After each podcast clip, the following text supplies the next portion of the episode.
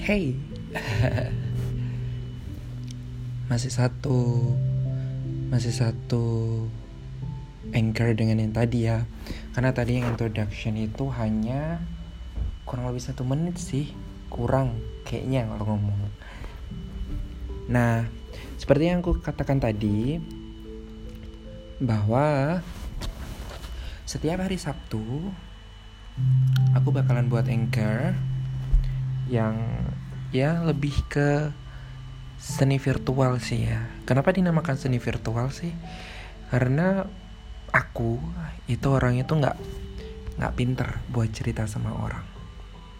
Maka dari itu ya dengan cara begini aku bisa menceritakan segala sesuatunya dengan cara seni virtual dengan cara menulis di Tumblr. Jadi ya hal-hal seperti ini yang bisa aku lakukan ketika memang aku benar-benar pusing ataupun lelah gitu. Karena ya pasti orang akan mikir aku itu orangnya beda sama yang lain. Beda dari apa gitu sampai orang tuaku juga pas kalau mungkin kalau orang tuaku ya tahu lah aku kayak gimana. Tapi kalau di luar sana gitu banyak orang bilang wah Mas Dilas kok always ceria gitu. Tapi mereka nggak ngerti gitu. Untuk melakukan itu aku butuh full effort yang besar. Karena aku bukan tipe orang-orang yang yang bisa open all seperti orang-orang pada umumnya gitu. Karena kata-kata orang dan aku sering baca-baca Instagram gitu ya. Aku lebih ke introvert. Ya, ini yang pertama ingkar pertama aku sih. Jadi Semoga teman-teman ketika dengerin ini suka gitu. Kalau memang ada suaraku yang salah, kemudian konten aku yang yang nggak enak gitu, nanti bisa aja nanti di komen, didengerin, kemudian di komen. Ya namanya orang pemula itu kan pasti banyak salahnya gitu. Jadi ya demokrasi aja. Kalian mau mau komen seperti apa tinggal di taruh di kolom komentar dan nanti kita perbaiki lagi. Biar kontennya lebih bagus lagi setiap minggunya. Gitu. Nah di twitterku di tumblrku aku kasih nama Prajut Rasa. Kenapa sih? Kenapa dinamakan Prajut Rasa? Karena kita tahu bahwa rasa itu melebihi segalanya dan manusia sudah diberikan rasa oleh Allah Subhanahu wa taala untuk bisa mengerti dan memahami satu dengan yang lainnya.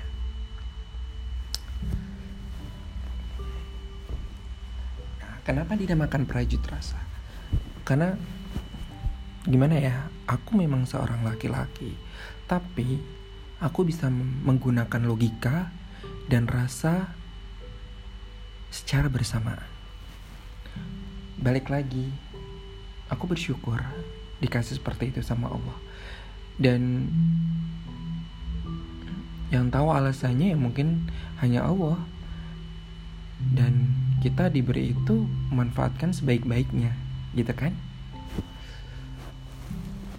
Dan aku nggak tahu sejak kapan sih aku pinter banget ngomong, pinter banget cerita. Padahal semasa SD SMP SMA kuliah pun aku nggak pernah pinter kayak gitu. Tapi balik lagi hidup itu untuk bersyukur. Jadi apa pun yang kita lakukan syukuri. Well kita masuk ke konten aku karena openingnya udah terlalu lama. Udah sampai 5 menit deh kayaknya okay. konten aku kali ini sih ya balik lagi gitu. Banyak orang berpikir bahwa jadi aku tuh enak.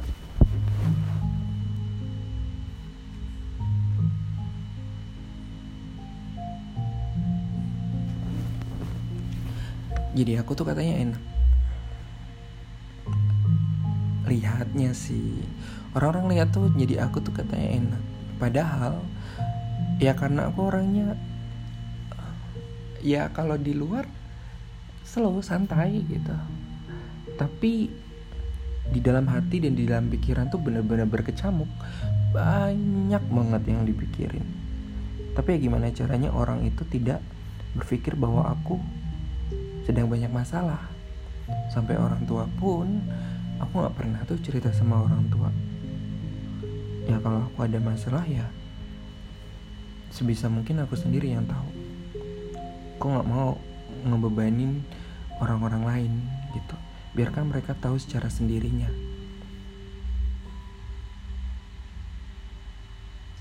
Aneh lagi ya. Ya itu aku gitu. mungkin ada juga yang seperti aku cuman kan aku nggak mungkin ngumpulin masa kan. Ya balik lagi hidup itu harus bersyukur well banyak orang bilang ke aku dan aku berpikir melelahkan memang jika harus menjawab segala pertanyaan seperti Dallas kamu kok kelihatannya nggak ada masalah kamu kok hidupnya tenang-tenang aja? Kamu kok santai banget sih?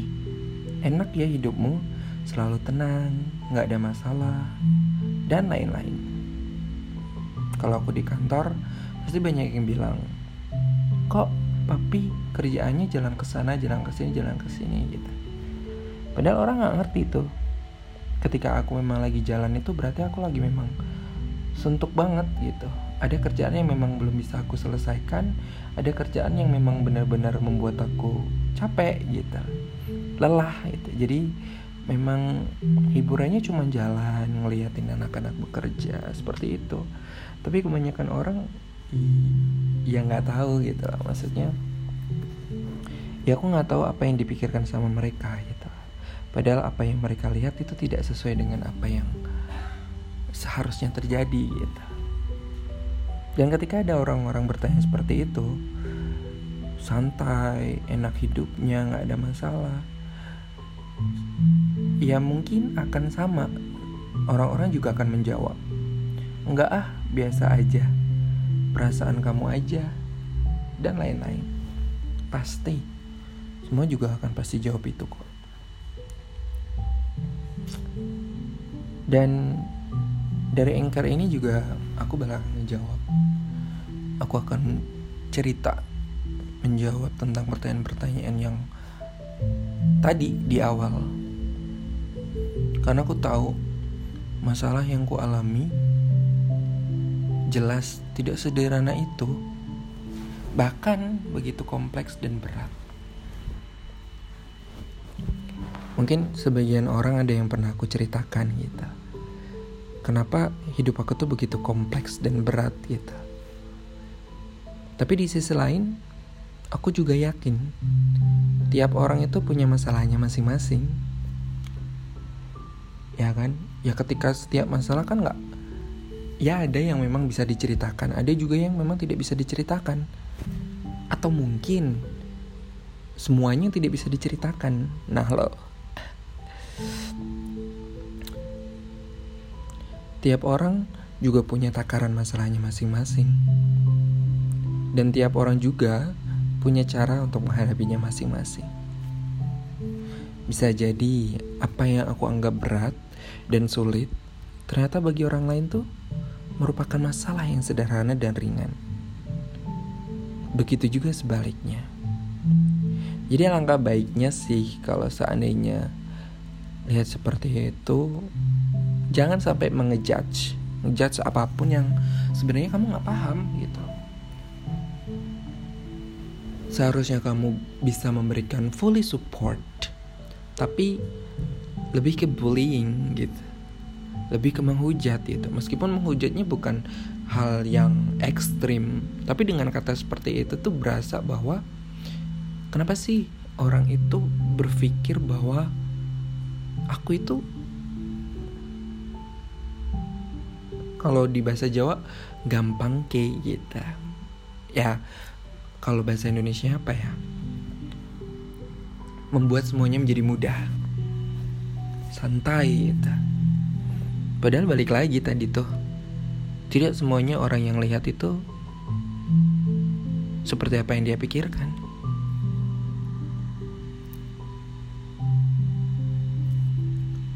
Dan takaran cara menghadapi masalah setiap orang itu juga akan berbeda-beda seperti yang aku sampaikan tadi. Dan yang perlu dilakukan hanyalah menghadapinya, meringankan, dan memperkecil volume masalah tersebut agar tidak menjadi bumerang jika terus-terusan disimpan. Sesekali memang akan lepas kendali dan berujung kepada emosi yang meluap. Atau mungkin menangis menghadap dinding setiap malam. Atau kalian harus keluar ke tempat yang hening, yang sepi untuk sekedar melihat bintang, rembulan di malam hari, atau melihat deburan ombak di pantai, atau melihat sembilannya angin di gunung. Banyak hal untuk menghadapi hal itu. Tapi semua itu nggak akan jadi masalah kok. Yang penting, setelah kalian melakukan itu, kamu bisa tenang dan lega. Aku tahu menghadapi dan menyelesaikan masalah bukanlah perkara yang mudah karena tak jarang ada bayang-bayang trauma yang akan mengikuti. Tapi bagaimanapun keadaannya tetap harus dihadapi bukan? Jangan pernah menyerah. Ketika ada kesulitan, ketika ada kendala, percayalah satu Oh tidak, Allah itu tidak akan memberikan siksa atau memberikan cobaan apabila kalian tidak bisa melampauinya, tidak bisa melewatinya. Ibarat kata, bagaimana kamu akan menghadapi badai jika dengan gerimis saja kamu ingin mundur dan berpaling? Simpel ya? Ya simpel. Gimana kamu ingin menghadapi ombak yang besar di tengah lautan. Kalau kalian aja takut sama air, takut berenang, takut naik perahu, yang akan sampai. Contoh simpel seperti itu sih. Dan kalian harus hadapi dengan perlahan dan menikmati segala prosesnya dan semua itu pasti akan ada jalan keluarnya. Aku yakin itu. Dan kalian harus yakin. Karena kalian punya Allah yang selalu meyakinkan kalian. Orang-orang yang baik di sekitar kalian yang selalu meyakinkan kalian. Terkadang hal-hal seperti itu bisa membuat sakit. Jelas. Sedih Pasti. Marah? Bisa jadi. Lelah? Tidak diragukan lagi. Lelah pasti itu. Tapi bukan berarti harus menyerah dan terpuruk kan?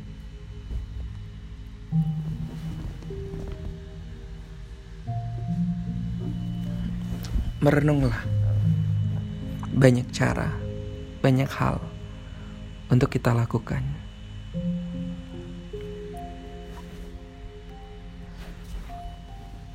Aku tidak akan menyalahkan jika ada yang memilih memendam masalahnya sendiri, seperti aku,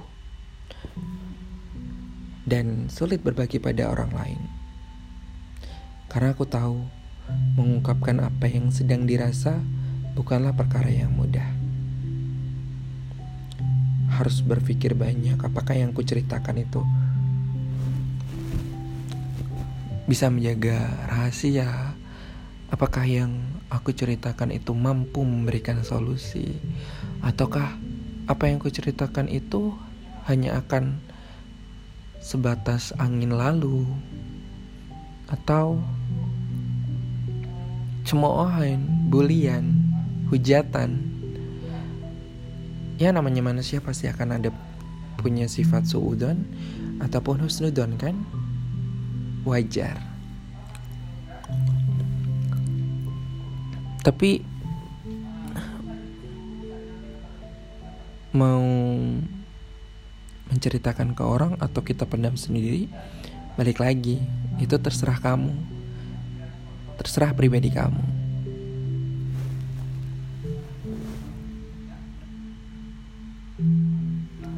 Tapi buat kalian nih, sesekali cobalah untuk mengungkapkan apa yang sedang dirasakan kepada orang yang menurutmu tepat dan bisa dipercaya. Agar pundakmu sedikit ringan. Gak cuman pundak sih, hatimu ringan, pikiranmu ringan juga, lebih tenang yang harusnya 100% isi kepala tentang masalah, masalah, masalah, masalah. Tapi ketika kamu mencoba untuk bercerita kepada orang yang tepat, bisa jadi 100% itu akan berkurang. Sedikit meringankan bebanmu.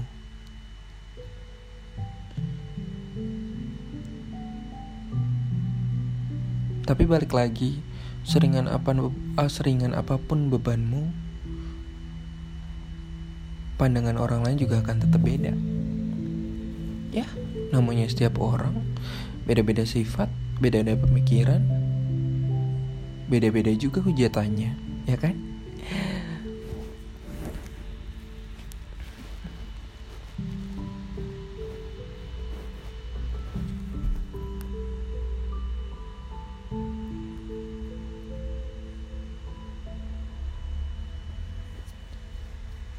Jadi pesanku.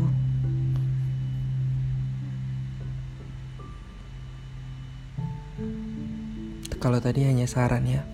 Kalau pesanku sih Ya ketika kamu memang tidak bisa bercerita kepada orang Ya sudah.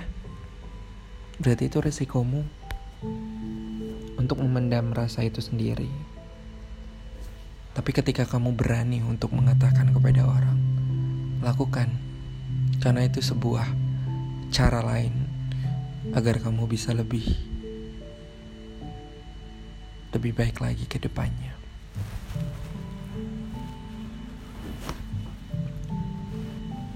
Dua cara yang bisa merubah rasa yang ada di dalam diri kamu.